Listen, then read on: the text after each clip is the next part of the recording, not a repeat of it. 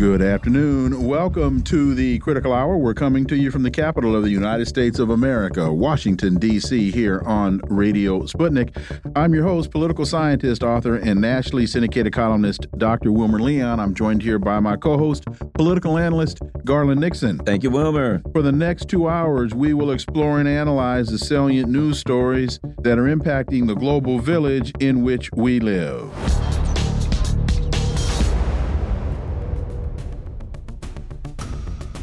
Mondoweiss reported yesterday Operation Al-Aqsa flood day 30, nearly 10,000 people killed in Gaza as U.S. rejects ceasefire calls. Israel continues ground invasion. And you know, Garland, over uh, this past weekend, mm -hmm. there were protests all over the world, uh, huge protests in Washington, D.C. And you and I were talking off mic on Friday, and I said to you that the size, the turnout of the Washington, D.C. protest would be an incredible indicator on where the world is in terms of this issue. And there were hundreds of thousands of folks. Uh, and before we get to that, we'll talk about that a little later. Uh, again, we were talking about Mondoweiss reporting yesterday that Operation Al-Aqsa Flood Day 30 Nearly 10,000 people killed in Gaza as U.S. rejects ceasefire calls. And what's the perspective on the escalation of this struggle from the ground?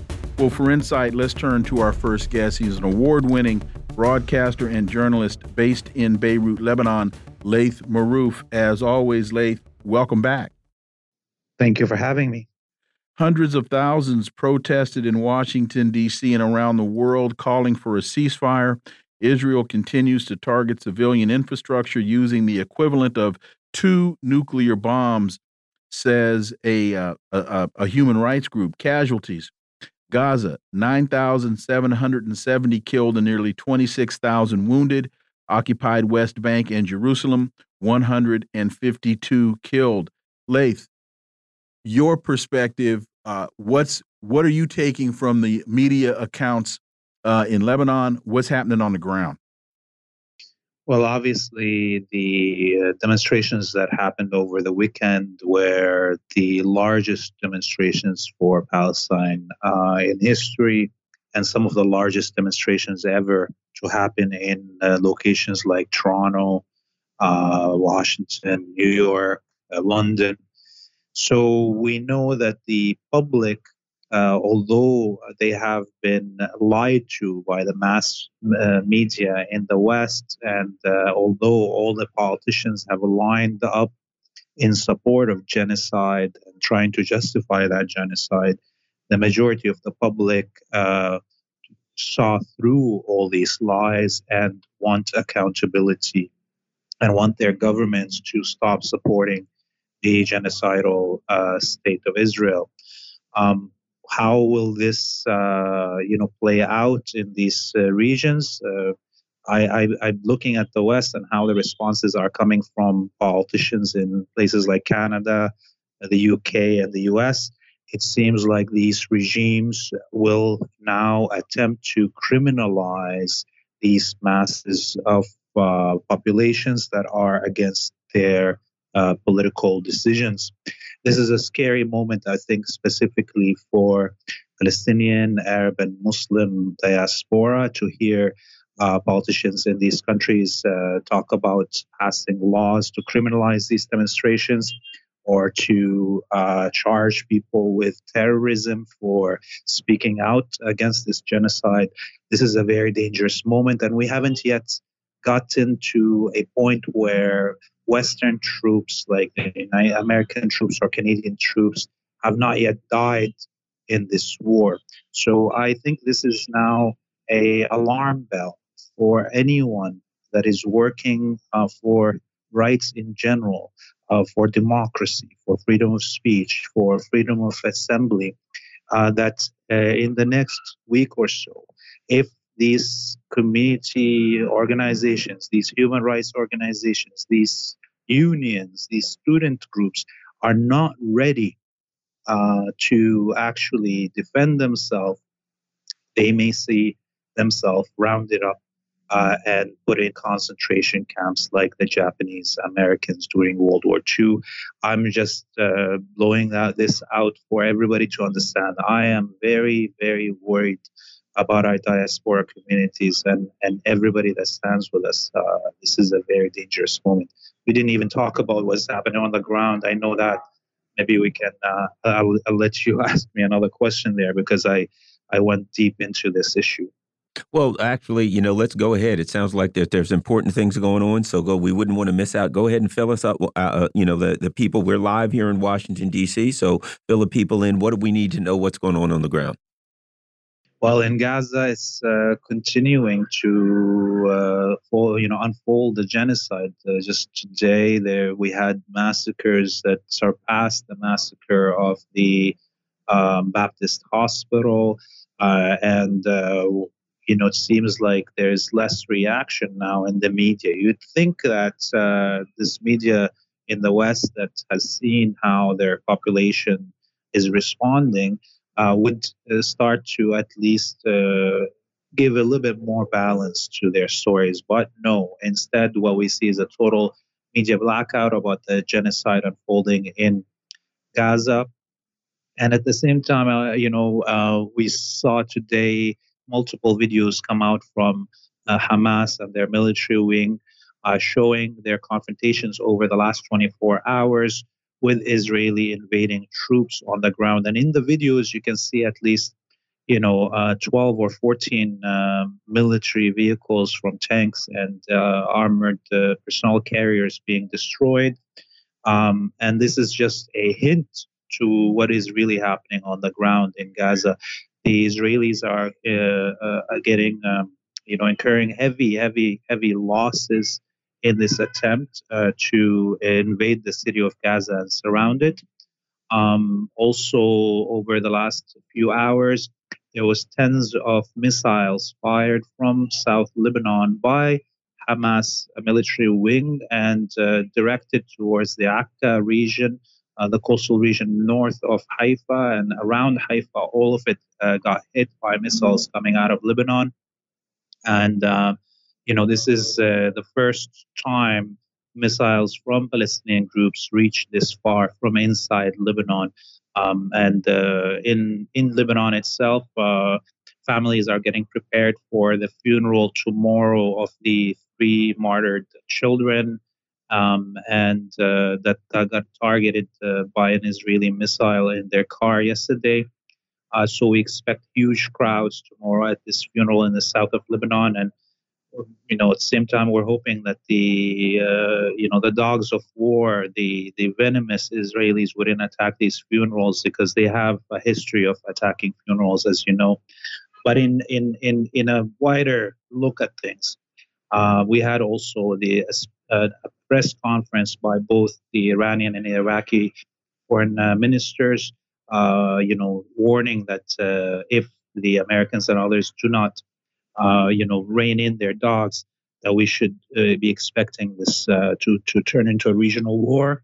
We also had a vote at the Algerian at the Algerian Congress where a, a unanimous vote was passed to have the Algerian military join in the defense of the Palestinian people. So now, uh, in a case of uh, a wider war where France intervenes to actually support the Zionist colony, we know Algeria now has given its military the authorization to enter this war in defense of the Palestinian people. So, with that, uh, with that, Laith, the reaction of the world here and the import the importance of Saturday's rally in Washington D.C. I think there was another big big one in France that that that took place.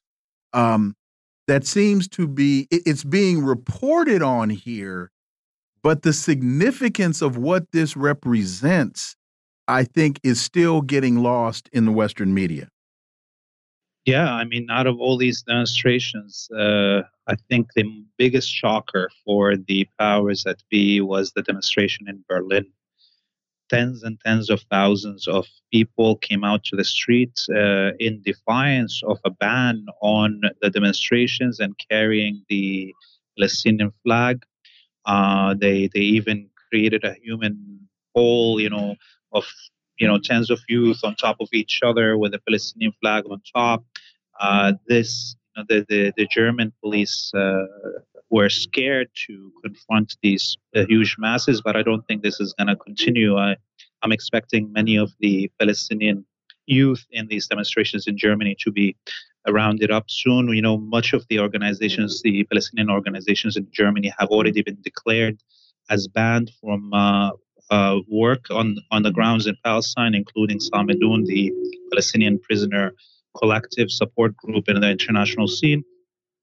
And uh, look at uh, what the Prime Minister of uh, the UK is saying right now. He wants to, you know, criminalize these demonstrations. Uh, if we, you know, continue, you know, just kind of predict what's going to happen next, uh, we will, you know, we will see more direct actions by these demonstrators because the politicians are not listening to them and the media is ignoring them. So we should be expecting more occupations uh, of uh, military uh, factories for that are uh, supplying Israel with weapons. We should be expecting more occupations of politicians' offices, and we should be expecting uh, a possible occupations of the mass media outlets that are allowing uh, you know, uh, that are airing propaganda for this genocide, like BBC and CBC and others. Already, we see these demonstrators, you know, uh, coming in front of the CBC in Canada and the BBC in, in England and spray painting them with red or writing graffiti on them. But the next step is for these demonstrators to actually liberate these media outlets from the clutches of genocidal propagandists. You know, here um, at the I was here at the demonstration. It's the biggest demonstration by far I've ever seen in my life. Mm -hmm. I actually got pictures of and, and uh, from um, congressional staffers who were there. They had covers over their faces. They had signs, um, and there had to be ten thousand. And this is no exaggeration. There had to be ten thousand um, Palestinian flags. Um, I, and, and now today, Biden's numbers have gone down so bad. David Axelrod, Obama's former chief of staff, came out today and said Biden has to step down. And it seems related to this. It seems like the, the Democratic Party is getting wiped out by this. We only got about a minute. Go ahead. Yes, yes. And of, of course, this is happening all across the imperialist domains because these uh, elites have uh, came out in such an unbalanced way in support of genocide I think they are they, none of these politicians will have a career after today, including Netanyahu himself. The question is after the after the end of this war, or if there's a ceasefire, whether it's before the defeat of the Western forces or not, how is these societies going to deal with this? And I and I looking at what was happening before this war started, already there was internal cannibalization within the political elites of the West in Canada and the US and in England and, and inside Israel. And this uh, it will give us a hint what's going to come. Nobody is going to survive this genocide of Gaza.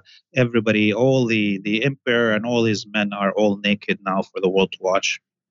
Uh, give us, if you would, please, just just one or two more minutes on this story. IDF says it captured Hamas stronghold in Gaza struck 450 on groups sites in past day. Uh, how is that story being reported in Lebanon? Yeah, it's a total lie. You know, there's nothing that they have captured uh, in Gaza. They haven't been able to actually capture one residential zone in Gaza. They've, you know, been in and out of farmlands or parks but they haven't been able to, to, capture any residential areas in the strip, and the maps are out there for everybody to see. And the Israelis have uh, incurred hundreds, hundreds of uh, losses within their forces. If we just count the videos of the tanks and armored uh, vehicles over the last uh, week that have been uh, destroyed, and just you know, imagine the lowest number of uh, injuries and and dead within them, we will mm-hmm. be still uh, at uh, five times the declared number that the Israelis are saying okay. uh, died from their troops. Laith Marouf, as always, thank you so much for your time. Greatly, greatly appreciate that analysis, and we look forward to having you back. Yeah, have a great evening. Folks, you're listening to the Critical Hour on Radio Sputnik. I'm Wilmer Leon, joined here by my co host, Garland Nixon. There's more on the other side. Stay tuned.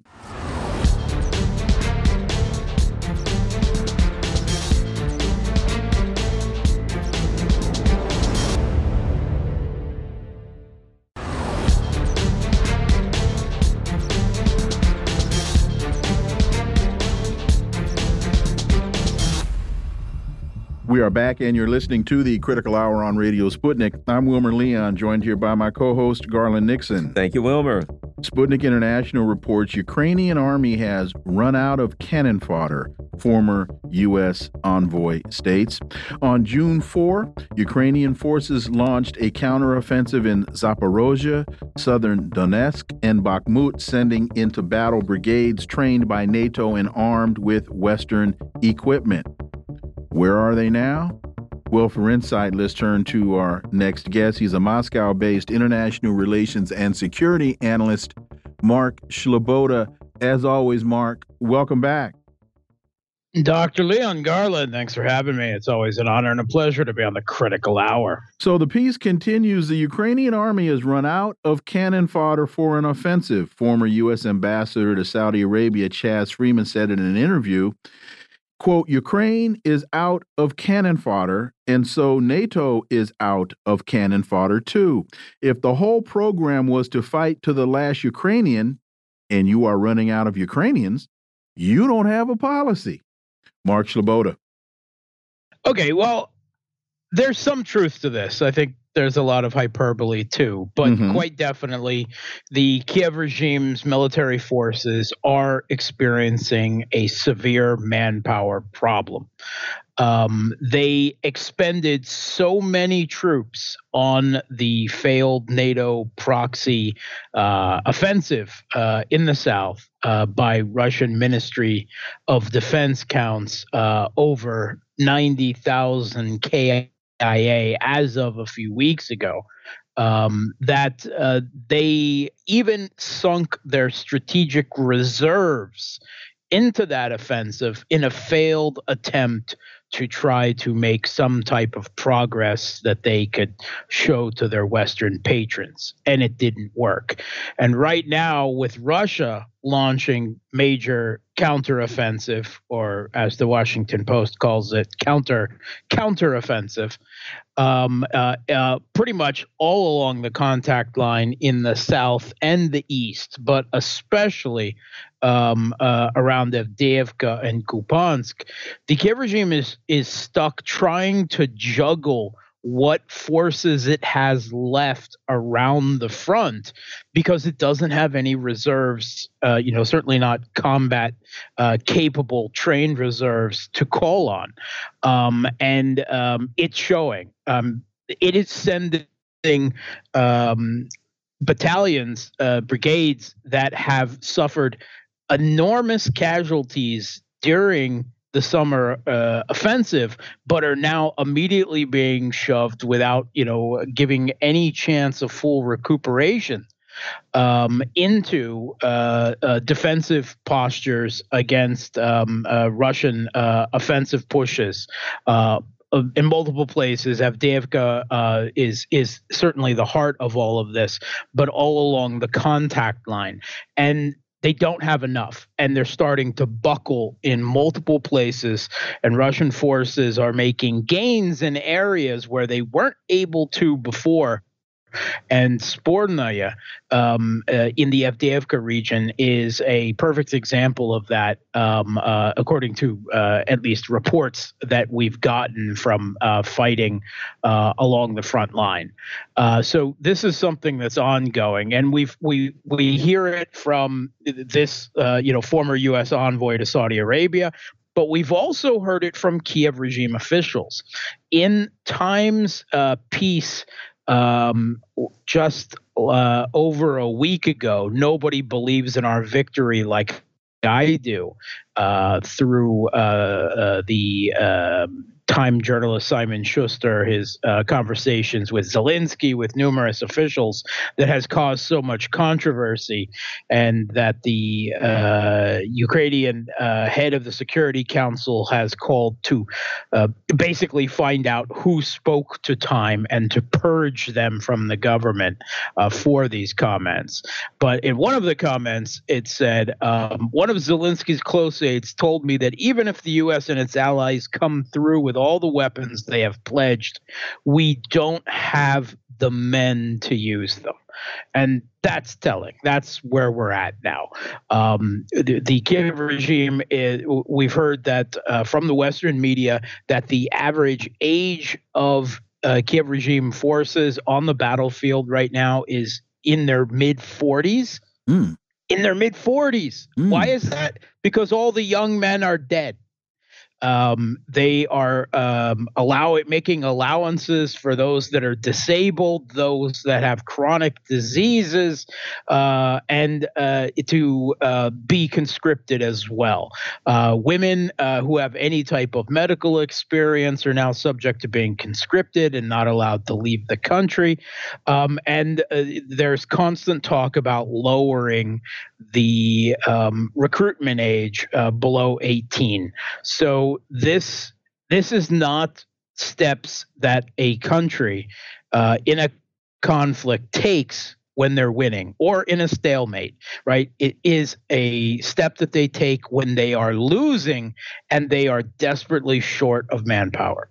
You know, Mark, Mark, I, to add to that, I also read, if you could comment on this, that um, there was some European uh, countries or have been saying to the Kiev regime, you know, look, you're going to have to start thinking about peace, and that um, apparently Zelensky responded by saying, "No, we're not going to, you know, we're not going to bargain with the Russians. We're not going to talk with them, etc." Do you know anything about that?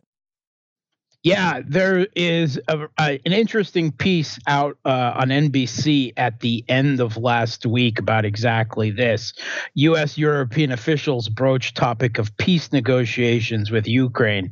Sources say. Okay, so this is an obvious leak from the Biden administration, a purposeful leak that is attempted to float the idea of negotiations, both to provide some non overt pressure to the regime in Kiev, but also more importantly, to sound out Russia. And they actually spell that out in the article.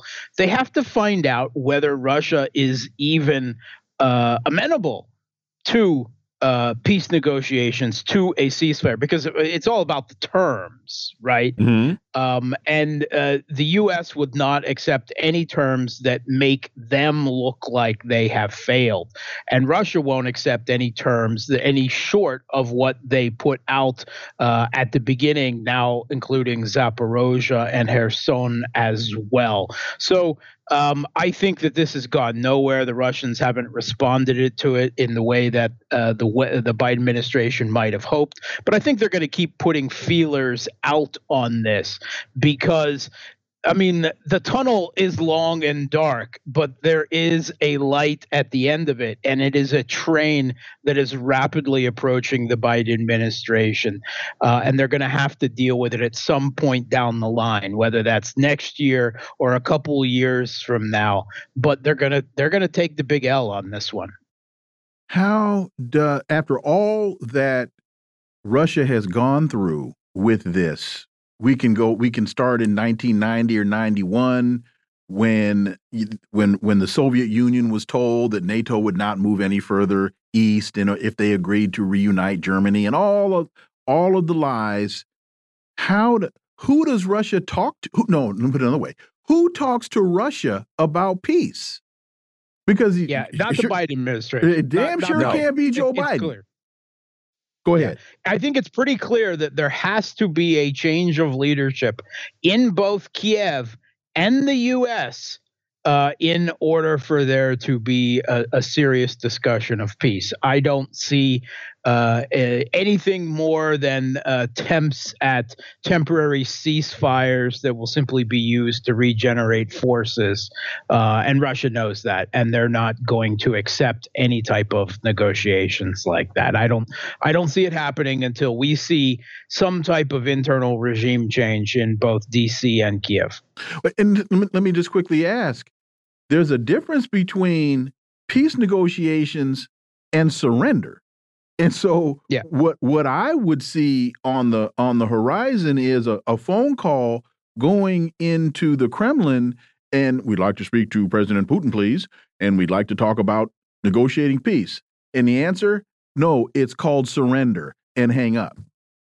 Yeah, unfortunately, those aren't the terms that the U.S. is willing to accept, and it's certainly not terms that Zelensky is willing to ship uh, to accept. But uh, we've also heard from the New York Times today. The New York Times is identifying what we've long talked about: that rifts are growing within the Kiev regime.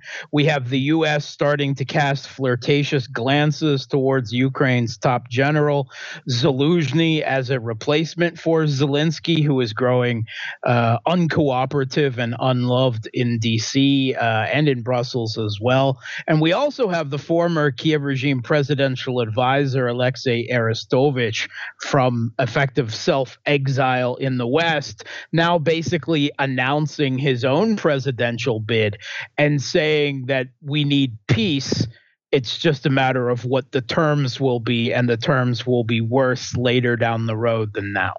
Well, he sounds like exactly what the Russians said at the beginning of this conflict. Sputnik International reports Russia, Russia achieved nuclear supremacy. Uh, supremacy. Top security official announces historic milestone. There's a lot to uh, unpack from that, Mark. Uh, why now? Your thoughts?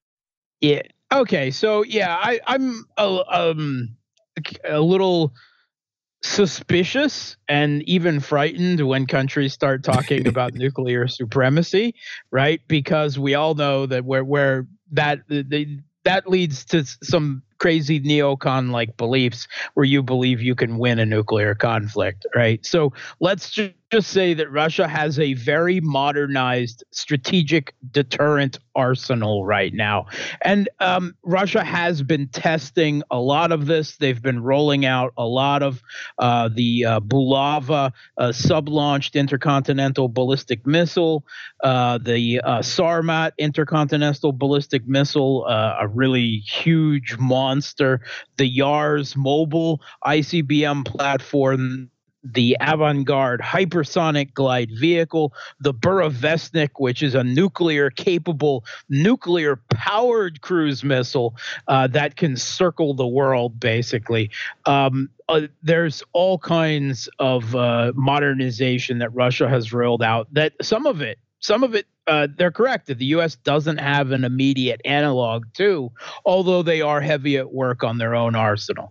And Russia puts more importance on its strategic deterrent because it simply lacks the size uh, uh, of the U.S. conventional armed forces, so it is more reliant. And Russia has long been viewed as uh, internally as well as externally as playing technological catch up with the West. And here, at least in several types of weapon systems, including several of these strategic vehicles, uh, that, that Russia definitely looks to at, at least have uh, uh, a foot or or a toe ahead of the U.S. in at least the deployment of some of these systems. So that is, uh, I think, uh, uh, something that the, the administration is, uh, shall we say, um, clapping themselves on the back for as a little bit of, of congratulations, and and maybe they deserve it, particularly you know as increasingly they've been under Western sanctions for years now, and yet they're rolling out some type of, of systems like hypersonic missiles before the United States is. Not that the U.S. is very far behind, but they are a little. There's a piece in TASS. Lavrov blames Anglo Saxons for pushing Middle East towards big war. The Anglo Saxon forces are pushing the Middle East towards a big war, which is leading to a surge in terrorism and million strong refugee flows according to Russian Foreign Minister Lavrov. Quote, we can see the Anglo Saxons literally pushing the Middle East to the brink of a big war, he pointed out. Uh, and, and so what the first thing that got my attention was reference to Anglo Saxons. Uh, yeah, I, I, that's that's actually um, a a common uh, uh, usage to refer to the basically the U.S. and the United Kingdom right? That's that's who they're talking about there. In some broader context, they could also speak about other members of the Five Eyes spying cabal, Australia, New Zealand, Canada, but primarily they're talking the U.S. and the U.K. there.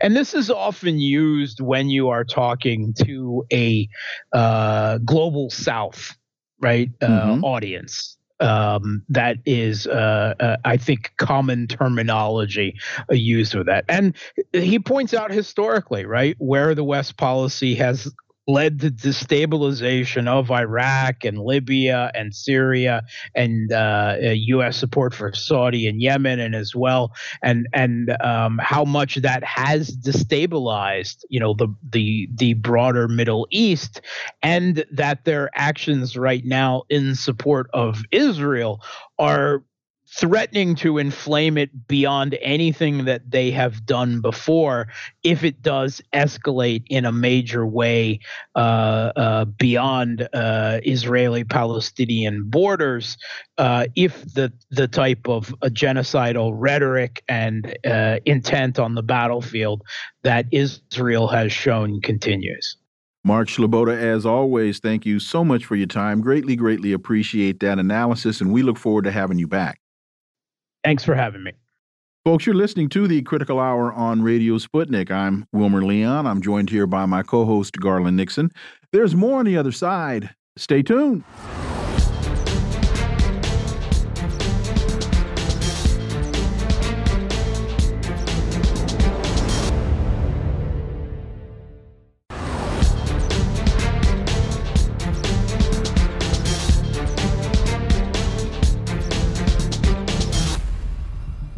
We are back, and you're listening to the Critical Hour on Radio Sputnik. I'm Wilmer Leon, joined here by my co host, Garland Nixon. Thank you, Wilmer. Global Construction Review. Yes, folks, we read it all here. Global Construction Review reports G7 launches $600 billion trans African railway to counter China's Belt and Road. The U.S. and the EU have joined forces with the African Development Bank and the Africa Finance Corporation to launch the West's latest attempt to counter China's Belt and Road initiative. Really? Now? It appears to me that the G7 is a little late to this game. The train may have already left the station. And pun intended. For insight into this, let's turn to our next guest. He's a peace activist, writer, and teacher. KJ Noh, as always, KJ, welcome back. Thank you. Pleasure to be with you. So the piece continues. The parties have signed a memorandum of understanding settle, setting out plans to develop the Lobito Corridor and the Zambia Lobito Railway, which will together form a link across Africa through a number of large mineral deposits.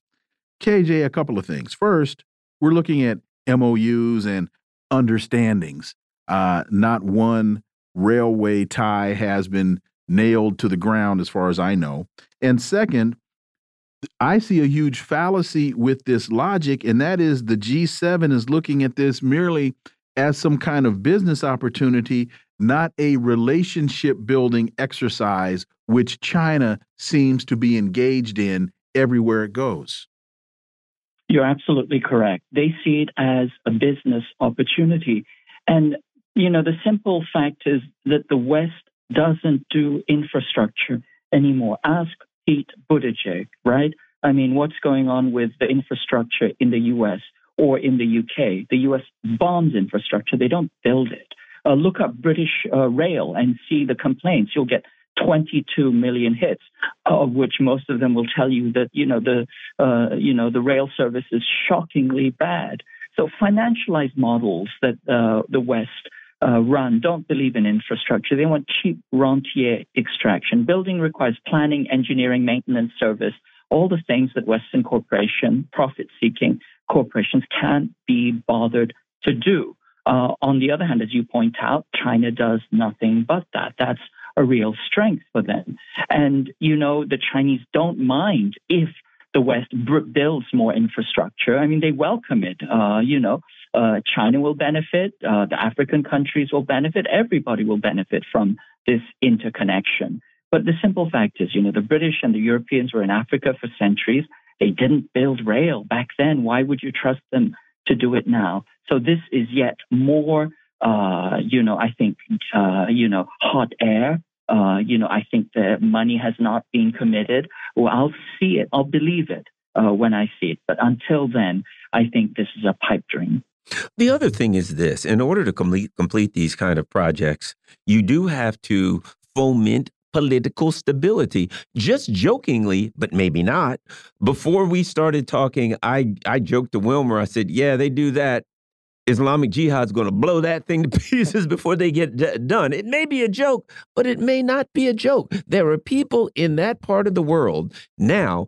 If they see a U.S. project going up, I got a funny feeling they're going to want to take a sledgehammer to it and not to help uh, drive in the railroad ties. Your thoughts on the need for political stability in light of what the U.S. empire is creating in that region, KJ?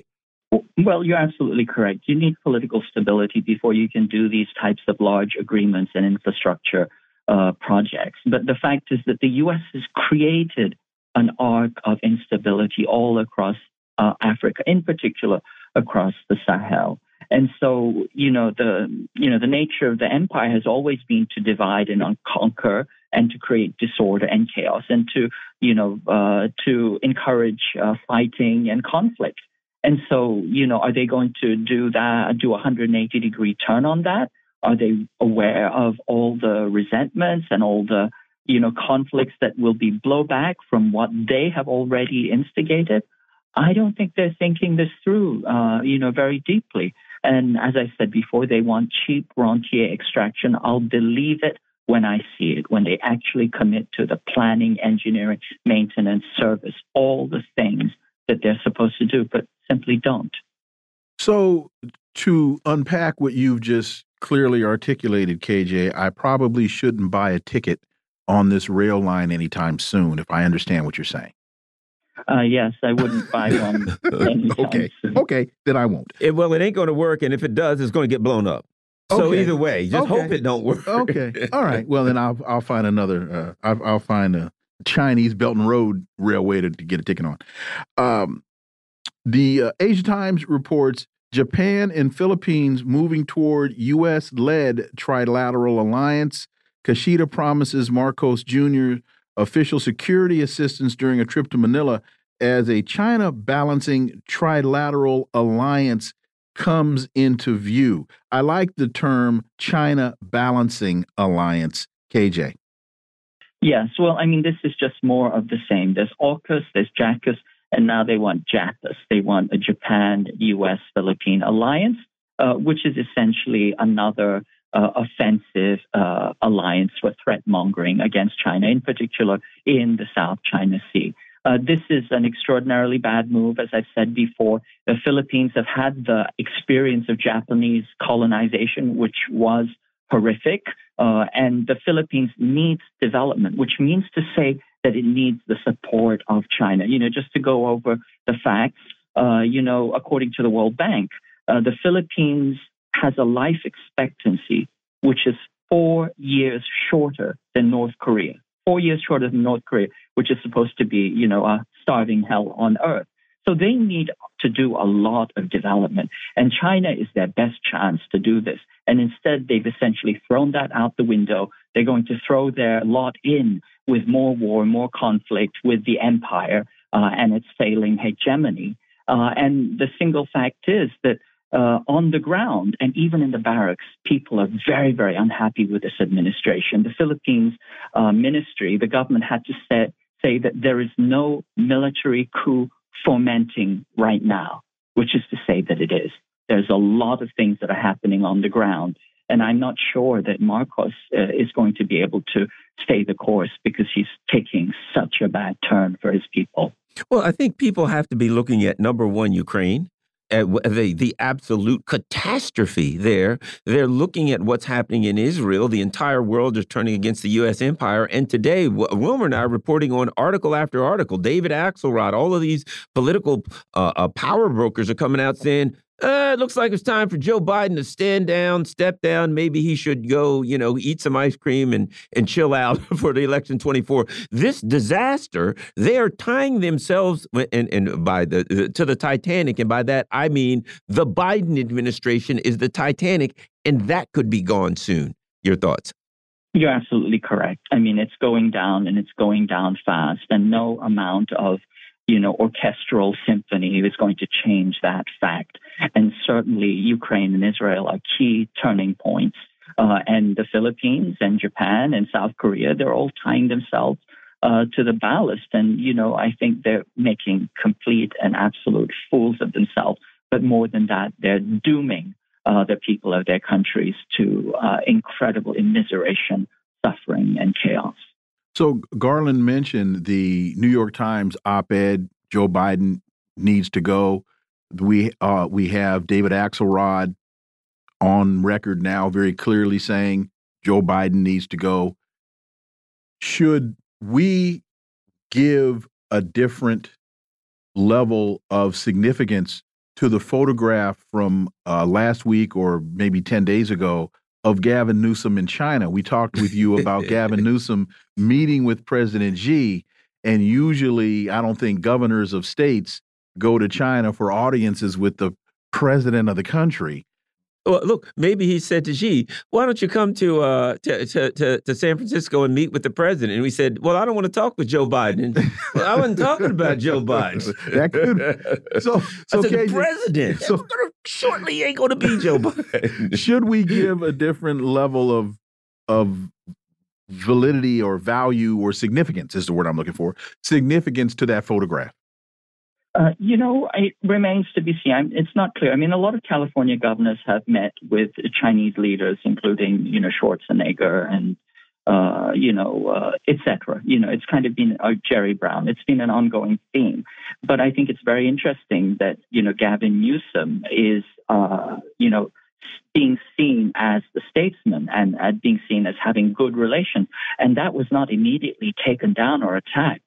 So it shows that there's some kind of shift that's happening in certain areas of the political class. In fact, you let me let, let, me just quickly jump in and and give a flip on that and say, okay, understanding that California governors have a history of meeting with Chinese leaders, okay, but now in this particular political climate, with all of the clamoring around Joe Biden about Gavin Newsom I would think astute Democratic advisors would say, you know what, Governor? Now's not the time to go because if you go and this picture gets shown, that's not going to bode well for the narrative and that's going to create an awful lot of uncertainty and that's going to create an awful lot of rumor that President Biden is on his way out. How about that?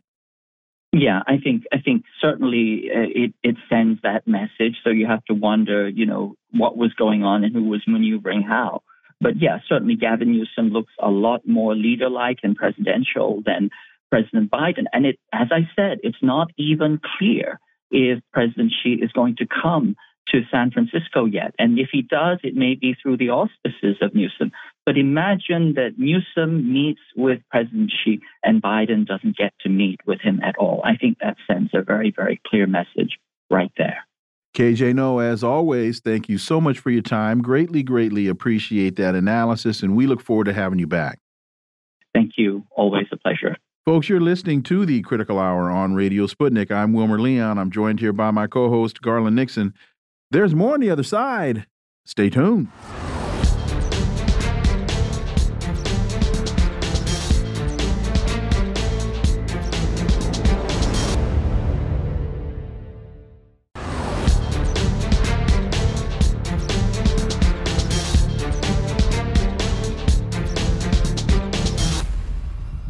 We are back, and you're listening to the Critical Hour on Radio Sputnik. I'm Wilmer Leon, joined here by my co host, Garland Nixon. Thank you, Wilmer. RT reports a new law is about to kill free speech and democracy in Australia. A bill on fighting, quote, misinformation and disinformation and harm, end quote, aims to empower a government agency to police online expression. Did they get this idea from Joe Biden? Well, how significant is this? And for insight, let's turn to our next guest. He's an independent journalist, political analyst, and reporter for RT, Caleb Maupin. As always, Caleb, welcome back. Sure. Glad to be here as always. So, the Australian government has recently introduced a in Parliament a new law proposed to ban officially unapproved online content. Digital companies are expected to adopt a code of conduct which will see them censor speech based on broad, vague, and far reaching directives. Two things, Caleb. One, sounds like they got this idea from Joe Biden. And two, it also makes me wonder if this is in any way in response to. Oh, I'm, shoot! I just drove a blank on him. The guy in Bal in Belmarsh prison. Oh, Assange. Uh, Julian Assange. Yeah, yeah, yeah, Thank yeah, you. Thank you. I'm glad somebody in here is paying attention. Garland, thank you, Garland Nixon. uh, Julian Assange, Caleb Maupin. Well, it certainly is a disturbing piece of legislation. Uh, it's one thing that we know that these tech monopolies, the social media giants, have a relationship with law enforcement in the United States and around the country. Uh, the Twitter files has revealed that Twitter was conferring with the FBI about who goes viral and who doesn't, what posts get widespread and show up in people's feeds and what don't, et cetera, and who gets banned, who doesn't. Um, so it's one thing to know that these tech monopolies are in coordination with governments in order to craft the narrative. And if you want to talk about how that can influence the political and electoral process, I mean, good night. But then on top of that, we now have a piece of legislation that not only uh, enables tech corporations to manipulate discourse, but more or less requires them to do so. That if they don't follow the dictates of this board, uh, that I guess in the name of of opposing racism, sexism, or, or bigoted speech online, uh, would dictate to Facebook and Twitter and, and other corporations what they could and could not censor and what they should and should not censor. I mean, this is this is a level of um, censorship and control uh, that uh, should be quite shocking. We already know that the the big tech corporations uh, are are in bed with the government and are carrying out a political agenda. But this is this is really codifying it into law and basically mandating it, saying that these tech companies have no right to refuse to cooperate with government censorship. You know, Caleb, um, what I find interesting about this, there's one particular uh, one particular clause, and that is that it doesn't apply to the government. That so yeah, you can be accused of misinformation, malinformation, and any other suffix that they can find to put in front of misinformation, but it doesn't apply to the government. Caleb, it sounds to me like a system in crisis that knows it's so in such crisis that it, it can't provide for the everyday person anymore. The people are not connected to the government, and the only thing they can try to do is shut our mouths. Caleb. Well, indeed, and it, it really goes to show that their own rhetoric about the open international system and the open free flow of information is not really something they even believe in anymore. Uh, the arguments that we were hearing from Anne Marie Slaughter at the time that Trump was coming into office and, you know, condemning populism and celebrating the international struggle for human rights was supposed to be that open discourse uh, was going to lead to wider freedom. Uh, and now we have the West basically, you know, admitting that they've kind of been controlling this so-called open discourse all along. Uh, but now basically mandating that that they must continue to control the open the, the discourse. It's never been open. Uh, this is never these tech monopolies have never not had an agenda, but uh, now they're making sure uh, that that there absolutely must be an agenda. Um, it, it's pretty wild, and and it and it really kind of shows you TikTok. As much as TikTok has played ball uh, with you know the Western government, it's based in the United States. It's not controlled by China in any conceivable way.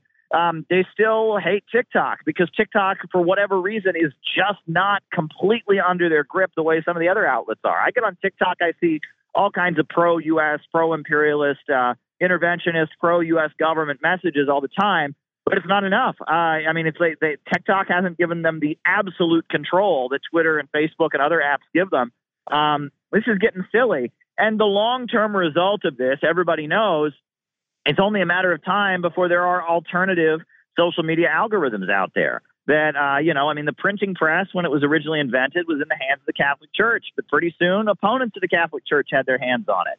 It's only a matter of time before there's alternative social media outlets coming from different parts of the world, different countries, et cetera, that have a different point of view. Uh, and so now this seems like they're trying to get ahead of this in a legal sense and and make clear that uh, as social media proliferates and as the tech giants kind of see their monopoly start to fade and people look elsewhere, that those other apps can have a mechanism that they are legally controlled. That's what this looks like to me. How concerned do you think the Australian, the United States, the German administrations are after looking at the protests that took place all around the world this past weekend? Well, it, it's kind of strange to watch because uh, you know these countries have taken in a number of Muslim refugees, immigrants, etc. And those communities, Muslims, overwhelmingly tend to be anti-Israel uh, and pro-Palestinian. Um, and you know they have considered you know the folks that are opposing bringing in these refugees to be racist, et cetera. And and so, you know, those who want to welcome the refugees have very much, you know, had the upper hand in discourse.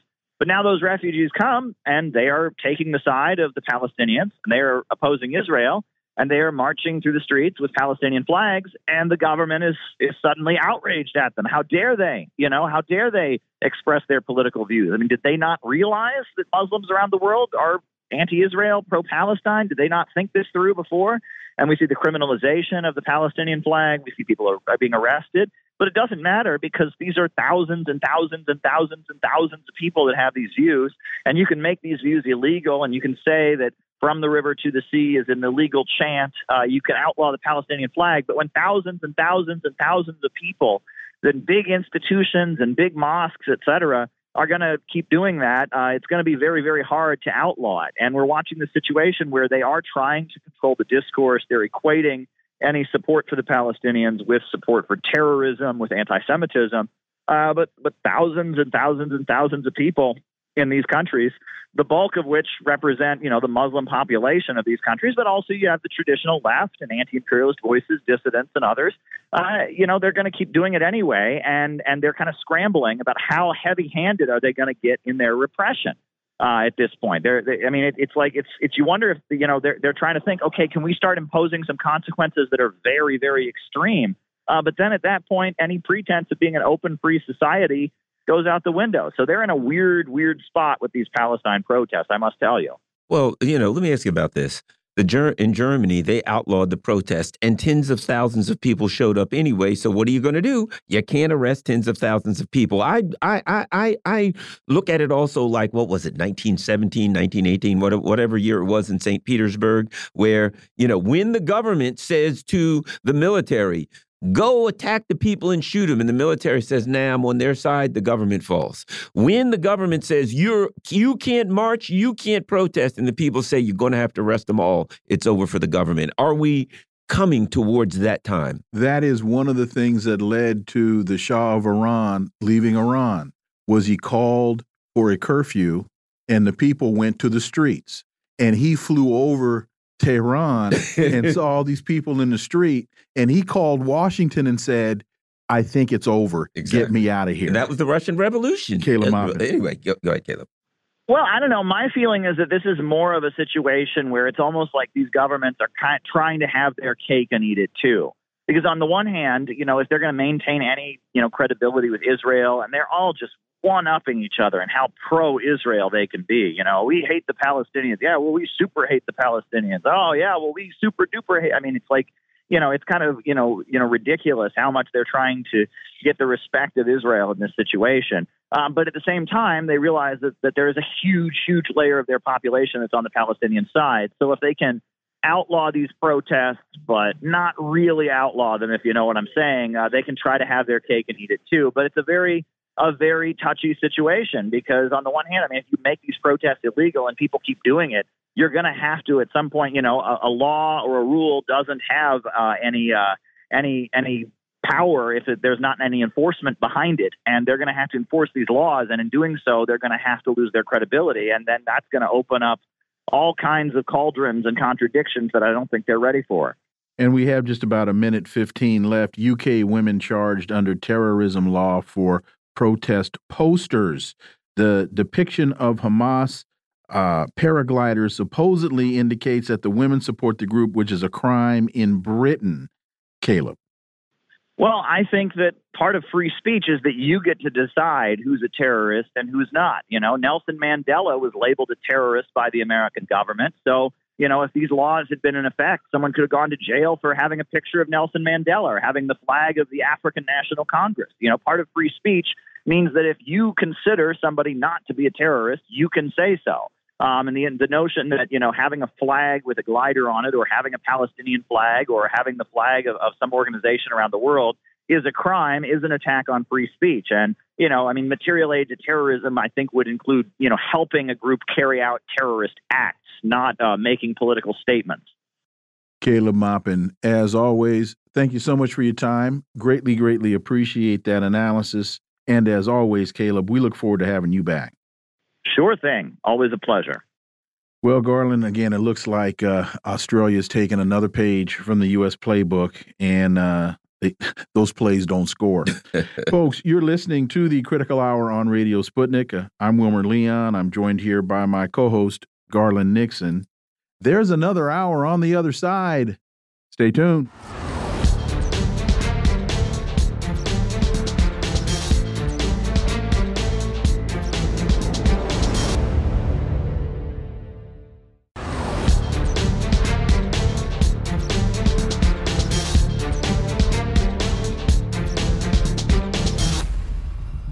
We are back, and you're listening to the Critical Hour on Radio Sputnik. I'm Wilmer Leon, joined here by my co host, Garland Nixon. Thank you, Wilmer. Consortium News reports hundreds of thousands march against Israel's war. Reports from around the world on Saturday as popular opposition explodes against Israel's war and Western support for it. For insight into this, let's turn to our next guest. He leads the Speaking Truth to Power section of Tell the Word, a publishing arm of the Ecumenical Church of the Savior in inner city Washington.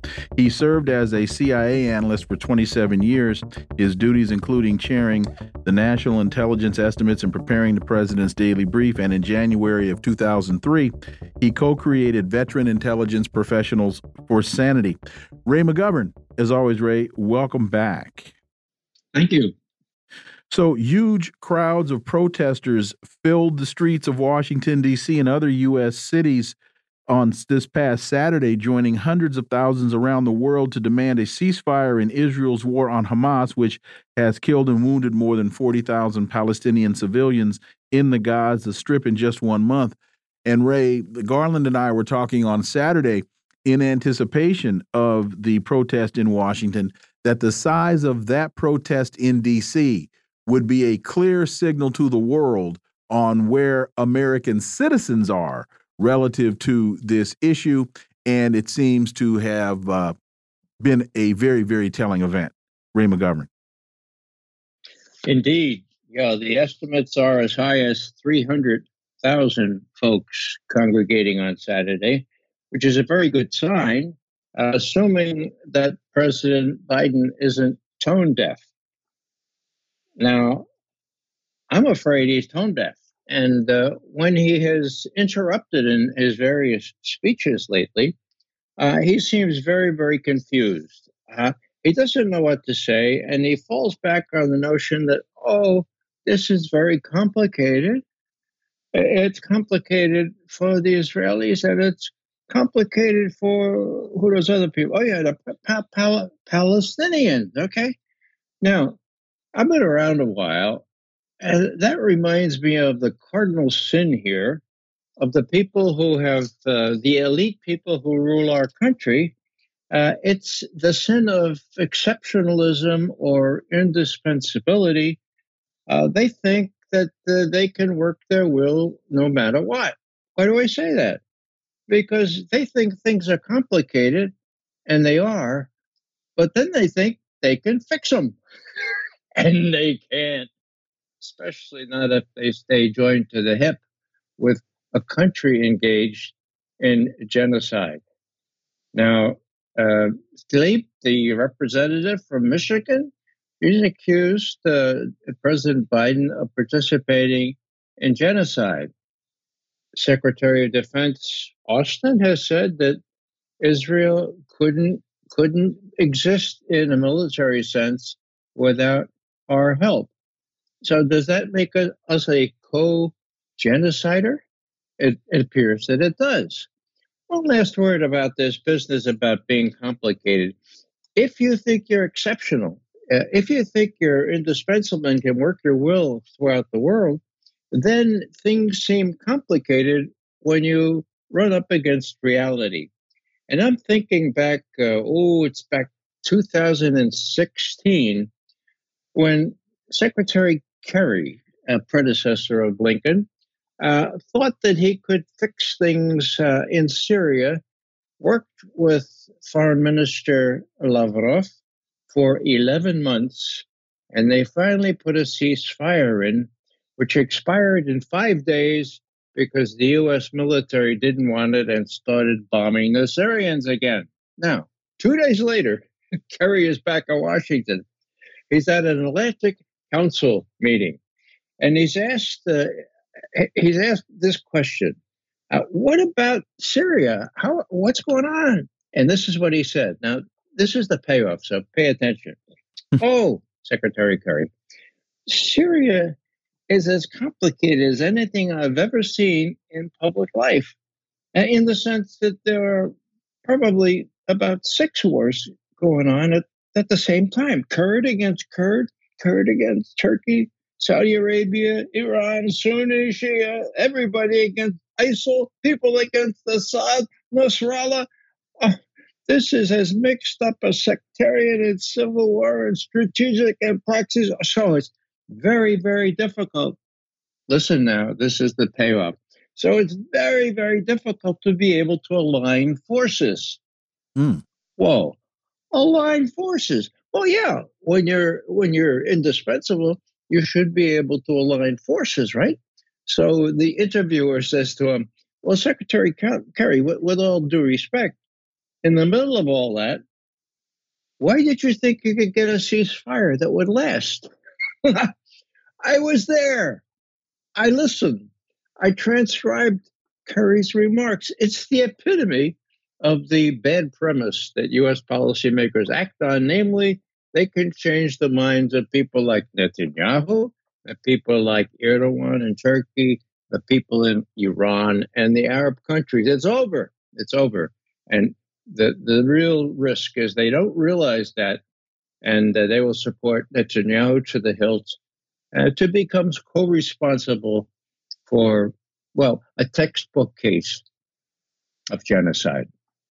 Um, Ray, a couple of things over the weekend. Of course, you know there was these gigantic um, uh, uh, uh there was these gigantic uh, uh, uh, um.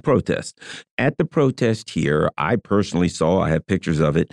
Um, there were congressional staffers holding signs, basically saying, you know, we're staffers and we want, you know, we we, we want, a, you know, a pause and a ceasefire, whatever. Okay.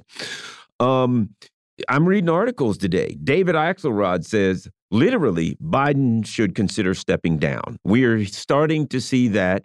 Um, polls came out today. He's losing to Trump all over the place. It's clear that um, and we're reading you know uh, Rashida Tlaib saying hey Biden's in big trouble Ray Biden's in big trouble in big trouble and it seems that after that Saturday um, event that the the bottom's falling out your thoughts Ray well the problem is the real problem is that Biden doesn't listen to Sputnik news he doesn't know he's in trouble he probably had the windows closed and was sleeping during all those demonstrations. Nobody's going to tell him he's in trouble. Not Blinken, not Sullivan, not Nuland, not not not Austin. Okay, so this is a very very volatile situation. Axelrod can say, yeah, the sensible thing would be for him to to step down. Now, two months ago, uh, Ignatius, David Ignatius, in, mm-hmm. in the mm-hmm. Washington Post said the same thing. And now, when you get to be, well, yeah, hey, I'm older than Biden. But when you get to be 80, I guess, or thereabouts, you get pretty set in your ways. And, you know, there's a personal thing here. Uh, Biden has been shown to have real evidence against him for taking bribes from the likes of the Ukrainian, the likes of Chinese. And it's not only Hunter's in trouble, okay? So there's an additional incentive to persist, not to give in, not to lose either in Gaza or in Ukraine. And that makes it even more dangerous because, as you know, we think that Biden has the keys to the nuclear arsenal. He may have forgotten the combination, but if he tells Blinken to use it or Austin, my God, they'll probably do it. But you, I'm still wondering about who is saying this and who they represent. Because David Ignatius, we know he's the insider's insider. So he says that that means that somebody's whispering in his ear. But now you got, um, um, uh, once again, the, the New York Times is reporting this. Uh, David Axelrod is now coming out and saying this. So it it reminds me of the uh, of the scene in in The Irishman where uh, where uh, they say, you know, it's what it is. Tell tell your friend it's what it is. And they're like, wait a minute, wait a minute, it's gotten to that? Yes, it's gotten to that. So I'm uh, I'm waiting now. I guess somebody's got to come in and and tell Joe Biden it's what it is. Yeah, unless uh, unless Hillary Clinton, who is the eminence grise, the, the power behind the throne, unless she figures out something alternative to do, nothing's going to happen. Mm. That's my prediction. Now, what does that the mean? President is what, does that mean? Ways. Nobody's going to tell him to step down. He's not going to hear about Axelrod, much less, much less Ignatius, and he'll hang in there and he'll lose, and he'll lose badly. And uh, what he might do to prevent himself from losing, well, if it has to do with Ukraine, he will be sorely tempted to use not only uh, not only those scattershot weapons, not only uh, depleted uranium, but my God, will they suggest that he use a, a mini nuke to stave off final defeat? I would not put it past them, and that's what troubles me most of all. Um, uh, uh, uh, let me ask you this. Uh, add this in in in um Ray. In looking at this, um, we we see Gavin Newsom. He's out all over creation. Um, he's meeting with the Chinese. We see um uh, uh um basically New York Times. Everyone now starting to you know kind of kind of um, pull down on Biden. Do you think that if the, you know, because we know they're very, very powerful, powerful people. If the oligarchs, if the people that have this ultimate, ultimate economic power look at this, are is there are there people? You know, you've been in, in the center. Are there people who have enough power to yank on the string and say, "All right, this is too big, much of a problem. Biden has to go," or is the president of the United States just too powerful for anybody to do that? Well, we're talking Hillary Clinton and the people like Axelrod, right? Now, if they get somebody lined up, uh, maybe Newsom, but somebody ready to take over, um, they will be very reluctant to any do anything. What they might do, in my view, and this is just a guess, is to say, "Look, uh, Mr. President, you want to spend full time with Hunter now. Uh, he's going to trial he needs somebody to really, uh, really be supportive. And you can't support him if you're going to be president. So maybe you could just step down and say, I need to spend more time with my family and especially with my son Hunter. Uh, I could see that, uh, but it ha- it has to overcome this stubbornness, this this divine right of kings that seems to have anointed Biden into thinking that he has to hang on and save the Israelis there's a very, I believe, telling article in the Washington Post, an ominous poll for Democrats, and what it says about a Biden alternative. And it's not the text of the story, it's the photo. It's Joe Biden sitting at a desk with a big screen behind him. I guess this has all been AI done with Gavin Newsom on the screen. And oh this, wow! And, I didn't see that. And this is the Washington Post. Whoa! It's Joe Biden sitting there with his with his uh, chin in his hand, looking, uh, I guess, wondering where the dog went, and Gavin Newsom right behind him in on a big. It, yeah, that's that, kind of yeah blatant there. Help help me out, Ray. I don't I don't see Joe missing even Joe in his current state. I, I don't see him missing this one.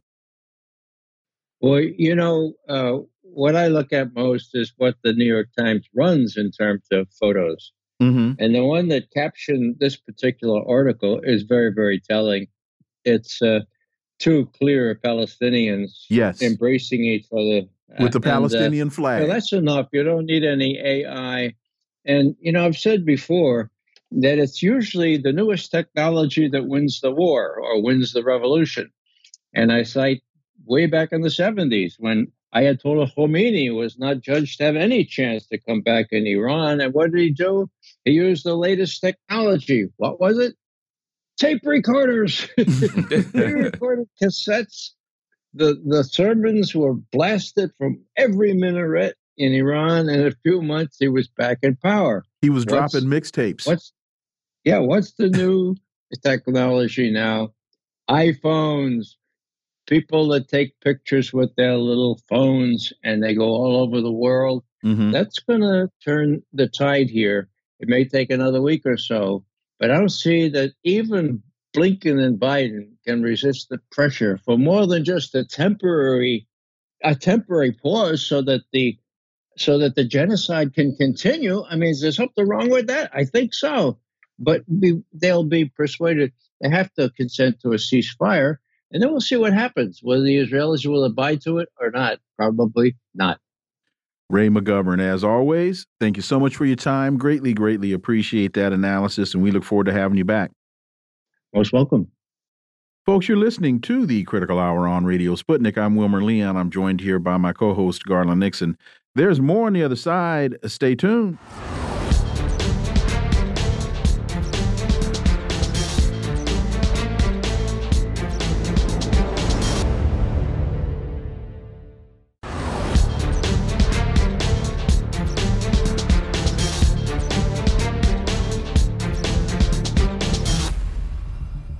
We are back, and you're listening to the Critical Hour on Radio Sputnik. I'm Wilmer Leon, joined here by my co host, Garland Nixon. Thank you, Wilmer. The Hill reports Axelrod suggests Biden drop out of 2024 presidential race. Former President Obama's senior advisor, David Axelrod, yesterday suggested Biden drop out of the 2024 presidential race in wake of a new poll showing the incumbent trailing former President Trump. For insight into this, let's turn to our next guest. He's an independent journalist whose work can be found at Substack and thepolemicist.net. Dr. Jim Kavanagh, as always, sir, welcome back. Thank you for having me, gentlemen. So, pointing to a New York Times and Siena College poll published Sunday, Axelrod wrote that plat um, it's very late to change horses. A lot will happen in the next year that no one can predict. And Biden's team says his resolve to run is firm. Jim, it's not only the Hill reporting this. Uh, Garland and I were just talking about there's a what we see as being a very, very telling piece in the Washington Post, an ominous poll for Democrats, and what it says about Biden. And the photograph is Biden sitting at a table, and then behind him on this huge screen is Gavin Newsom. And they and they say in the article, might Newsom consider or Chris um, uh, Gretchen Whitmer. Gretchen, Gretchen Whitmer, which I have been saying and Garland has been saying on this show for the last year. Yeah. Uh, yeah. Dr. Jim Kavanagh. Yeah, again, you know, uh, as I've said for a long time, I do not think Biden, Joe Biden is going to be the nominee. I don't see how he could be at this point. It's really just terrible. the numbers uh, in this poll, you know, uh, some of the most telling numbers are that Biden, uh, Donald Trump is getting like uh, 42% of the his, Hispanic vote and 22% of the black vote.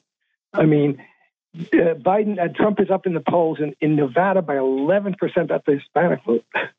you know, and uh, the other states, the other swing states, by five or three. Uh, uh Pennsylvania is the closest, four percent. The others are all outside the margin of error. So it's really a disastrous thing, you know. And and everybody knows it. You know, everybody knows it. So I just, I, it's going to be bizarre to see how they handle this because they can't run him. And, you know, it, they talk as if it's his decision. It's not his decision. When they want him out, they'll have Jill talk to him and he'll bow out. So they have to just make the, but it's, you know, they're in, a, they're in huge problems in the world between Ukraine and, and Gaza. And uh, so they're going to have to figure out some way of orchestrating this exit and this replacement, probably with Gavin Newsom uh, and Whit- Whitmer as a as a ticket. But it's going to be immensely bizarre. And the economy, the numbers on the economy. I mean, Trump is up by over twenty percent in five of the six swing states. So it's really just horrible, and uh, he can't do it. So I, you know, it, it's bizarre. As I say, you know, I don't still, I will not rule out uh, somehow they're going to bring bringing RFK Jr. into this because Trump is in trouble because of these damn uh, it, legal cases. He might be convicted, and he might be thrown off the ballot in Michigan and Colorado. These crazy, uh, you know, attempts to keep him off the ballot. So it's really a free for all, and it's, it's one of the, it's going to be the most bizarre election we've ever seen there are three states that right now. Yeah. Uh, Colorado, it's in it. The case has actually gone to trial, and there are still there are two other states where it's in process. Um, let me let me let me uh, throw this at you too. Um, there MSN and and the fact that they're reporting it. Right. MSN.com has one where they say black voters in Milwaukee list complaints on Biden, Democratic Party. And they say, when asked who he would choose between former President Donald Trump and Biden, a canvasser with Black Leaders Organization for Communities, Devontae Johnson, admitted that would be a difficult choice to make. I had a member of my family that said, Well, I ain't showing up. And when I said, Well, if somebody put a gun to your head and said you have to, what would you do? There's a member of my family. And they said, Oh, that's ridiculous. That it wouldn't even be a choice. Of course I'd vote for Trump. This is a black person who said to me, You got to vote for Biden in 2020. You got to vote for him. You got to vote the right way. And I'm like, I'm an independent. No, we've got to stop Trump. And now they they looked at me like I was crazy to even ask them if they would choose Biden over Trump. I think you also said that that same family member said he's going to stay home and rake leaves. That's exactly what they said. I'm raking leaves. And and we, and we also have to throw in the mix the Arab vote in Michigan. Oh, that's done. Yeah, so, I saw all of them. They were here. Uh, yes, uh, I, I, was talking ago, to them, uh, protesting. I was talking to them, and so you throw in the African American vote in Michigan, and you throw and and this is this is one of the factors that could lead to a Gretchen Whitmer either being oh Michigan number one or number two on the ticket. Is she's a governor of Michigan, and de the Democrats can't lose Michigan. Jim Kavanagh. Well, you're, uh, you're right. There's a big Arab American population in Michigan, in the Detroit area. They will lose it. I mean, yeah. It, it's uh, uh, uh you know, and people will stay home. I mean, nobody wants to. A lot of people don't want to. vote. They shouldn't vote for Trump. Trump is not going to be any better for anybody. That's for sure. They're showing here uh, Trump up five percent in Michigan, but you know, uh, it, it, they're saying we're going to stay home. You know, we we counted on uh, the, the, Democrats and Biden being a little better for us and a little bit more supportive of the Palestinian cause, and clearly they're not. They're going to go 150% with Israel doing anything it wants to the Palestinians. And uh, so they're going to say, we're going to stay home. and, you know, it's it, it really is a horrible choice that Americans being asked to make. You know, it's not like, I mean, I, I don't know where they get 20 from. I, I, I can guess why they get 20% people, more people think that that Trump is plus 20% on the economy, but it's ridiculous. It's not going to help anybody. He's not going to be 14, 11, 12 percent better on Israeli Palestine. He's he's at least as as warmongering and Zionist as as, as uh, Biden. But this is the choice we're going to have. I, but if not they're going to bring someone else in who's going to sound a kinder, gentler, and more uh, coherent voice for whatever it is, you know, for American imperialism and Zionism and capitalism and uh, try and and they're going to try and keep Trump off the ballot. Well, the, the, Republicans are in a mess too. Know, they really are in a mess. They're not all behind Trump. Even if he gets on there, you know, the the, the, the Republican politicians and political leaders and congressional leaders are divided like crazy. So it's a it's a nutty situation politically, and it's going to get nuttier. And that's what we got. We got we got worthless politics. Really, it's crazy, and it's of no use to the people uh, to people in general. But here's the thing that we've been saying on this show for a year, and Jim, you've been involved in these conversations. Donald Trump, for simple math, let's just say Donald Trump has a uh, immovable 35% base. They're going to vote for him even if he does get incarcerated. They they they don't care. The problem with Biden's numbers circling the drain as they are is and with the tribalized nature of politics in this country, people are not going to cross party affiliation. As you just said, they're going to stay home. Democrats are going to stay at home, which then gives that intractable 35% for Trump. That makes them even more significant because Joe Biden and Kamala Harris are going to be struggling against struggle just to turn out their base if they can find a base. Yeah, that's true. Uh, Trump has an enthusiastic core of followers and constituents. Joe, Joe Biden does not. There's nobody who's enthusiastically supporting Joe Biden for president. I don't think it's his dog all, likes him anymore. it's all we got to do him because he's the only person who can beat Trump, which is ridiculous because he can't. so you know, there's got to be someone else who could who, who could do at least as well as he can against Trump. But there's nobody who really has you know an enthusiastic following except RFK Jr. and he did. Let's put it that way. He's the only one who who might gin, gin up some enthusiasm because you know Gavin Newsom isn't going to do that either, uh, or or Gretchen Whitmer. They're just nice looking, you know, uh, coherent characters who can. That that's the thing that, that Garland and I have been saying. You know, a lot of people have said, "Why are you so stuck on Whitmer and Newsom?" Because of the optics. And we know that American voters are very heavily influenced by the optics. Gavin Newsom is a young guy, nice looking man, looks great in those Brioni suits that he wears. And Gretchen Whitmer is a very attractive woman, young woman. They're both very smart, both very articulate, and they are both governors of states that Democrats need to win. Yeah, I mean it's a natural ticket, uh, one way or another. And right, uh, as you say, you know this is very important now because Trump himself, you know, he looks uh, like he's got a brain next standing next to Biden, but he's fumbling around a lot, and you see it. And I, I even when he was president, he had some weird moments when where's Joe, where's where's Giuliani, and Giuliani was sitting right across the table from him. So you know he himself is not totally coherent all the time, and he really has no strong principles. He's got you know I'm a great guy. I'm a tough guy. I'm going to make sure everything. I'm going to solve every problem immediately because I'm the best there ever is. So you know, if you had coherent people who had some kind of line that they could spin out with intelligence like Obama, you know, it would be easy to defeat Trump. So we'll see. But I just, you know, it's crazy. It's crazy what's going to happen. How are they going to manage this transfer of candidacy from Biden to who, whomever they, they choose?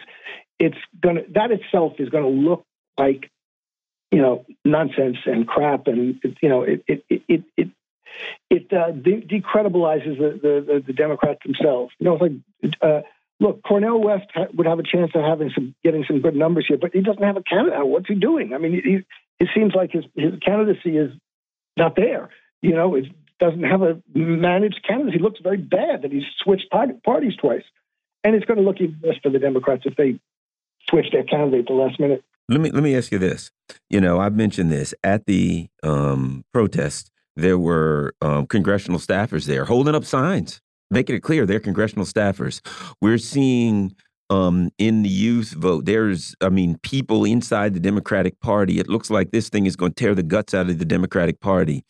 Um, the youth vote there. I mean, to say to to use the word furious would be like using the word moisture referring to a tidal wave. Okay, um, this Israel thing is going to tear the guts, or excuse me, it's tearing the guts out of the Democratic Party.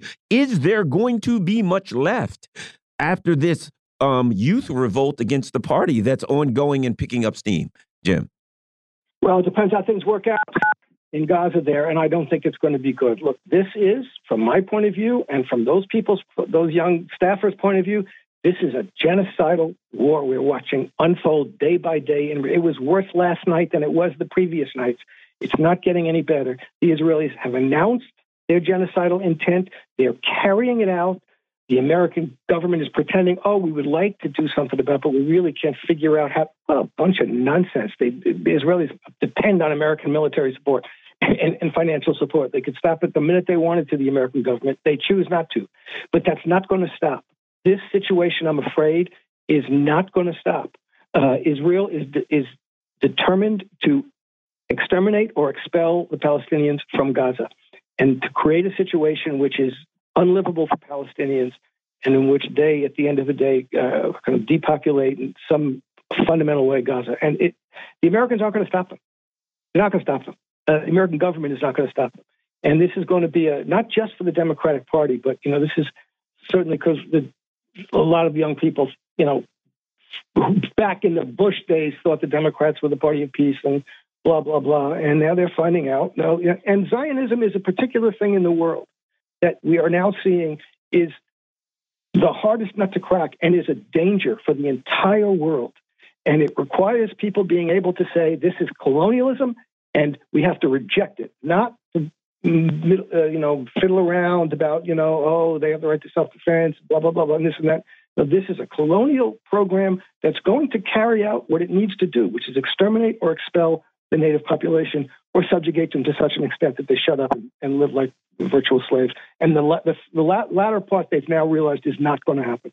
So they're going forward with the extermination expulsion. And that's a huge thing. And the people on the other side think that it's wonderful that we're saving all the Jews in the world by having this colonial state in, in, in the Middle East. So they think that's you know if you don't if you're not on board with that, you're out to kill all the Jews. So there are really strong uh, uh, opinions on both sides. One is right and one is wrong, and they're going to. It's not going to get any better, and I I don't see where how it's going to get much better. And uh, I'm glad you mentioned the removal of the indigenous people because that's the difference between colonialism and settler colonialism. And what you're yes. dealing with in occupied Palestine is settler colonialism, hence uh, the extermination, the genocide of the indigenous Palestinians. Dr. Jim Kavanagh, as always, thank you so much for your time. Greatly, greatly appreciate that analysis, and we look forward to having you back. Okay, thank you. Folks, you're listening to the Critical Hour on Radio Sputnik. I'm Wilmer Leon. I'm joined here by my co host, Garland Nixon. There's more on the other side. Stay tuned.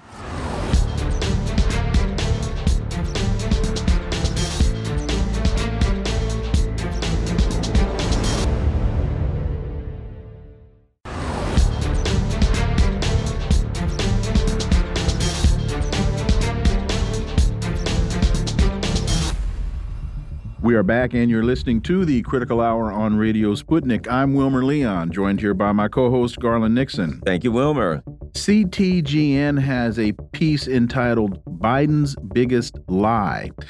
In his speech from the White House soon after returning from Israel, President Biden argued for an additional 105 billion in military aid for Israel and Ukraine. His big idea was that the unpopularity of the latter cause both in Congress and in the country, would be overcome by yoking them together. The number of lies he had to tell to make his case was breathtaking, and the truths he had to utter to provide the foundation for those lies were few and far between. For insight into this, let's turn to our next guest. She's a professor in the Department of Political Studies and director of the Geopolitical Economy Research Group at the University of Manitoba, Winnipeg, Canada, and author of a number of books and she's the author of this piece. Dr. Radhika Desai, as always, welcome. Thanks so much, Wilma. you continue true. The U.S. and the world are facing an inflection point in history. True that he has the that he was the first U.S. president to travel to Israel at war.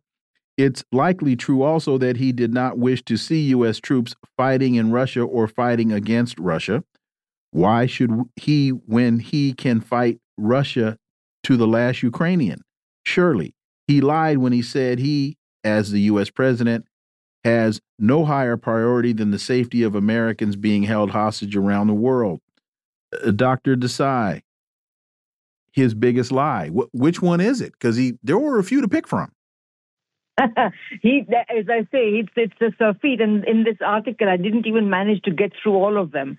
But in the end, I said that his biggest lie is to actually claim that uh, this uh, extremely flimsy India, Middle East, Europe rail corridor that they're talking about is uh, somehow an equivalent to China's uh, Belt and Road Initiative. As you know, this Belt and Road Initiative just celebrated its 10th year. Uh, it has built projects in over 150 countries. It has spent a trillion dollars over this period.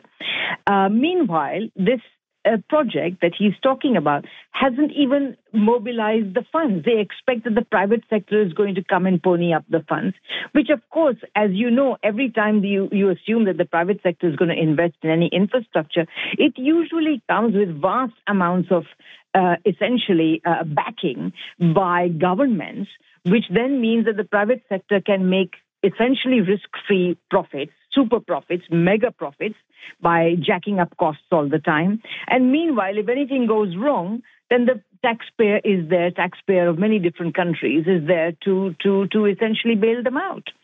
So this is what he's calling uh, the equivalent of the Belt and Road Initiative. I mean, it really is remarkable. And uh, uh that being said, um, you know, it, it, it, seems to me that Biden is in such trouble right now that the Biden administration, as many of these uh, neoliberal uh, uh, administrations, is so far removed from the promises that he made at running as president, from actually what the American people want, that he has no alternative but to tell outrageous, blatant lies. Dr. Desai? Absolutely. Absolutely. I mean, every premise upon which today the rule of the people that Biden represents is today justified in the United States, whether it is domestic, domestic policy or international policy, is based on lies. I mean, take the very simple fact or the simple claim that you, the U.S. is a democracy and that the uh, United States is trying to create an alliance of democracies. I mean, it's absolutely shocking. There's, the United States today represents nothing more than a plutocracy. Because basically, no matter who is elected, the interests of the 1% are what, uh, uh, uh, are what they they they promote and protect. Meanwhile, everybody else can can can uh, can go wherever they like, basically, you know. And so so so the so that's the first thing. The second thing is the United States claims to support democracies abroad. How can you call countries like Israel or, for that matter, Ukraine democracies when in fact they are uh, in the case of Israel, essentially they disenfranchise a substantial part of the population that lives within Israel. They are, uh, uh you know, essentially conducting genocide right now. Uh, meanwhile, of course, in Ukraine, all opposition is banned. Uh, uh, the government is reliant on neo Nazis. So, you know, and we, we, this is only the beginning. I mean, we can talk about so many things. President Biden said he cares about the Americans who have been taken hostage. I don't think he cares at all. If he'd cared about it, he would have immediately uh, required Israel essentially to stop the bombing and come to the negotiating table. But the fact is that the United States has always essentially backed Israel to the hilt. Uh, uh, uh, and and and if that means that any appearance of even-handedness between Israel and Palestine cannot be maintained, so be it. You know. So I mean, one can go on and on, but I mean, practically everything they say these days to legitimize their rule is wrong. That they, you know, for example, these Build Back Better programs. You know, he was elected in order to revive the American economy. But how can a president who owes his position to a small number of essentially, uh, or, or, a small number of big capitalists who are essentially sitting on top of an extremely financialized system whose purpose is precisely not to invest in production, not to create jobs, but essentially create make profits without making anything, without producing anything. You know, October 7th came and went. President Biden came out on the 8th of the 9th and talked about backing the uh, settler colonialist government, backing them to the hilt. There were all these reports that he had just given the uh, Zionist government the green light to go in and level Gaza.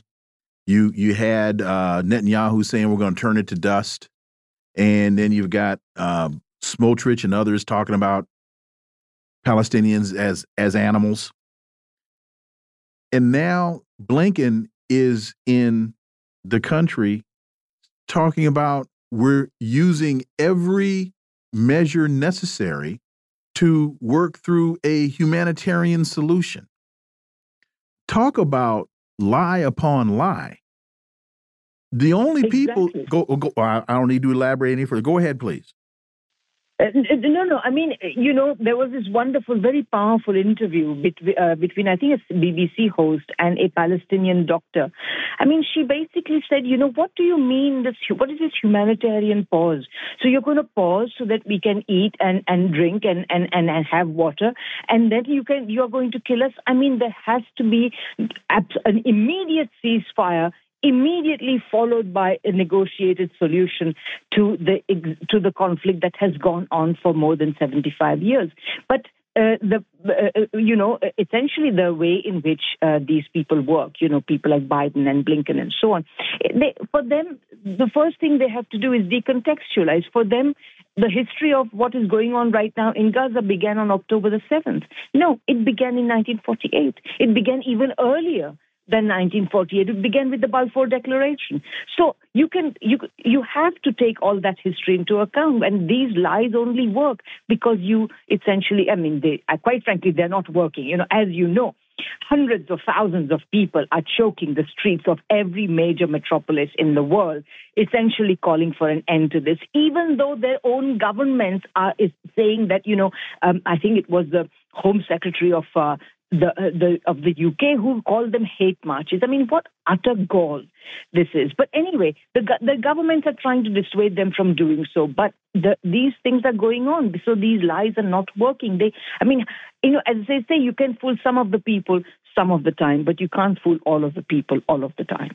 And do you think um, all of these articles that we're reading, you know, we're seeing Trump ahead, um, and uh, you know the um, young people in the Democratic Party are uh, are absolutely furious. Biden's in big trouble, and now we're hearing David Axelrod coming out saying, you know, uh, maybe it's time for Biden to step aside. Does Biden even survive this? We got about a minute. Well, I mean, you know what? I think both Biden and Trump are absolutely awful choices for both parties. And the only thing I can say is that really what this shows is that is the is the is the depths to which leadership of the Western world have uh, has sunk. That these are the choices that are available to uh, uh, for the political systems of some of the richest countries in the world. I mean, it is absolutely appalling.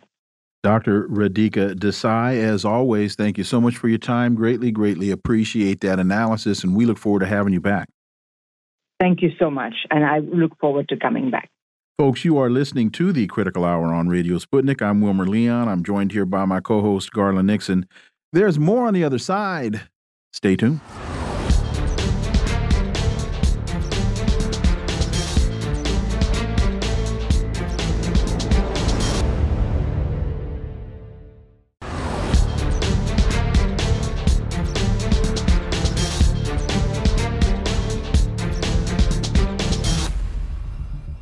Are back, and you're listening to the Critical Hour on Radio Sputnik. I'm Wilmer Leon, joined here by my co host, Garland Nixon. Thank you, Wilmer. Orinoco Tribune reports Algerian parliament unanimously votes to militarily support Palestine. The Algerian parliament unanimous, unanimously voted to authorize President uh, Tebboune to enter the Gaza war and militarily support Palestine. The 100 out of 100 vote came on the 2nd of November, a day after the anniversary of Algeria's War of Liberation against French colonialism. For insight into this, we turn to our next guest. He holds the John J. and Rebecca Moores Chair of History and African American Studies at the University of Houston, one of the most prolific writers of our time. His latest book is entitled Revolting Capital Racism and Radicalism in Washington, D.C., 1900 to 2000. Dr. Gerald Horne, as always, sir, welcome back. Thank you for inviting me. So, with the Algerian parliament unanimously voting to enter the war, this now has gone outside of the Middle East and is now finding itself locked into the continent. And we know, of course, the Middle East, they they rewrote the language to, to move the Middle East out of Africa into the Middle East. But it is now making its way into uh, into Algeria that doesn't bode well for the settler colonial state, Dr. Horne. Well, neither settler colonial state, speaking of the one we are now residing in in North America, and of course, historic Palestine, fundamentally, U.S. imperialism faces a contradiction. That is to say, it is joined with an umbilical cord, in fact, joined at the hip with Israel. But Israel has not learned any lessons from October 7th. In fact, it has decided to double down on what led to October 7th, that is to say, uh, pursuing a bloodily violent policy. Well, wait a minute, wait a minute. Let me let me ask you to clarify. What are the two major lessons that the settler colonial state should have learned on October 8th or October 9th? well, that the policy that led to 240 hostages and 1,400 Israeli citizens dying was a bankrupt policy. That is to say, there should have been on October 8th or October 9th a speedy movement towards some sort of resolution of the crisis, and certainly not alienating uh, nations far and wide, which is what's happening today. And so, to return to the thread, what's happening is that this is compromising the global position of U.S. imperialism. Uh, unlike Israel, the United States has to be concerned about more than what's going on in West Asia. It has global concerns. It has global concerns with regard to confronting China, with regard to confronting North Korea, with regard to confronting Russia and Ukraine. But right now, it's going to be bogged down in historic Palestine. And certainly, this recent maneuver by Algeria needs to be taken seriously because we all know that over the decades, Algeria has been willing to put a thumb in the eye of Uncle Sam. Recall that during the heyday of the Black Panther Party, they hosted a diplomatic legation, the main diplomatic legation of the Black Panther Party. And in fact, in the book that I'm now writing, I'm beginning with a scene from 1971 when the Black Panther Party in Algiers is negotiating with then socialist uh, Czechoslovakia to get armed, in fact, to fight in the black communities of the United States of America. We all know how Algeria, as we speak, is backing Niger, which is under uh, immense pressure from neo-colonial France because of its overthrow of a, a French favorite uh, in Niamey. Also, you should keep a close eye on Algeria's neighbor. Speaking of Morocco, it was a signal member of the so called Abraham Accords negotiated by President Trump as a way to bring these monarchies closer to Israel. But now, with the fact that the monarchy in Morocco has flubbed the earthquake uh, disaster relief, and as well, part of the deal of the Abraham Accords was to have the United States and Israel recognize Moroccan colonial occupation of its neighbor to the south, speaking of Western Sahara, something that Algeria adamantly opposes. As in Algiers, as in Tunisia, uh, there have been people in the streets clamoring in protests against the slow motion genocide that's taking place in Gaza. And with regard to Tunisia, recall that when Yasser Arafat and his comrades were expelled from Beirut a few decades ago, where did they wind up? They wound up in Tunisia. And there's lingering uh, pro Palestinian sentiment there. And then Algeria has a trump card, which is the fact that it is a natural gas giant, which has brought it closer to Russia. With the Western European nations seeking to boycott Russian natural gas, they thought that they could cut a deal with Algeria. Uh, that is not necessarily going very well. And on top of all that, it's the fact that Algeria, in some ways, is mimicking Yemen. Uh, recall that it was not so long ago, just a few days ago, that the forces in Yemen were supposedly shooting missiles uh, towards uh, Israel that supposedly uh, Uncle Sam's forces uh, intercepted. And we know that just in the last 24 to 48 hours, uh, Secretary of State Antony Blinken, on this failed sojourn throughout the region, was in Iraq, of course, wearing a protective vest, no less. But interestingly enough, right after he left Iraq, Prime Minister al Sudani of Iraq jetted off to Iran to report, no doubt, on what was discussed because Mr. Blinken, by his own admission, is quite concerned that the U.S. forces in the region are sitting ducks, not least in Iraq itself.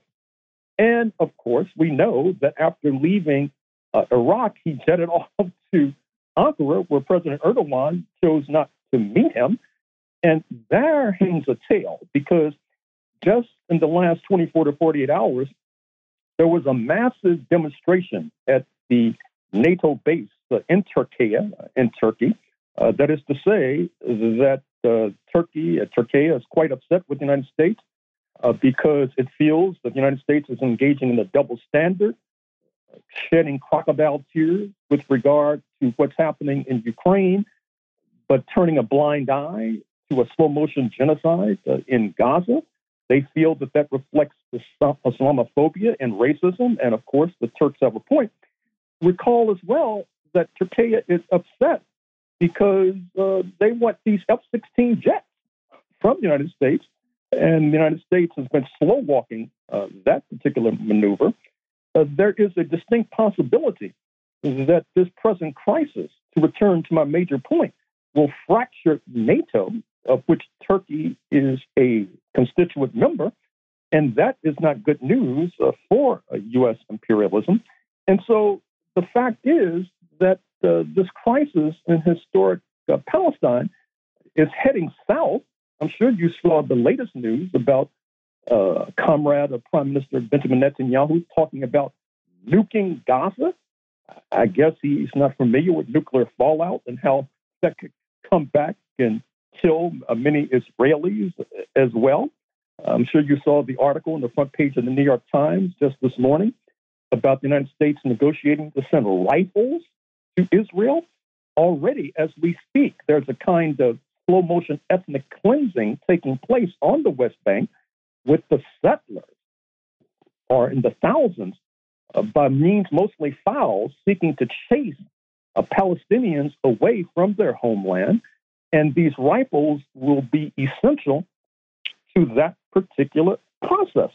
And so we see that this crisis is continuing to percolate uh, the 300,000 that assembled in Washington just uh, this past weekend is an emblem and a symbol of, of that, the largest pro Palestinian demonstration in the history of the United States. The Axios reports that Governor Newsom of California and Governor Pritzker of Illinois, who are touted as replacements for Joe Biden, have been making campaign donations to leading figures in South Carolina, a key primary state.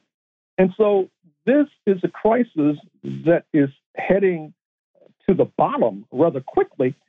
And the United States is going to have to make some very tough decisions. That is to say, uh, are they going to engage in this potentially damaging and injurious uh, bungee jump with Israel hand in hand with a frayed cord over a cliff? Or will there have to be some tough talk to the Israeli leadership the way that President Eisenhower did in 1956 when he talked Israel off the ledge when in league with Britain and France, who was seeking to overthrow Nasser's Egypt. I'm afraid to say that given the correlation of forces right now, you should not be surprised if that tough talk does not occur, and that instead U.S. imperialism goes down slow, as the blues man used to say, with Israel. Well, we got a minute or so left. Um, the protest, if you could comment, these gigantic protests here in um, in uh, D.C., where there had to be ten thousand Palestinian flags. We only got a minute or so.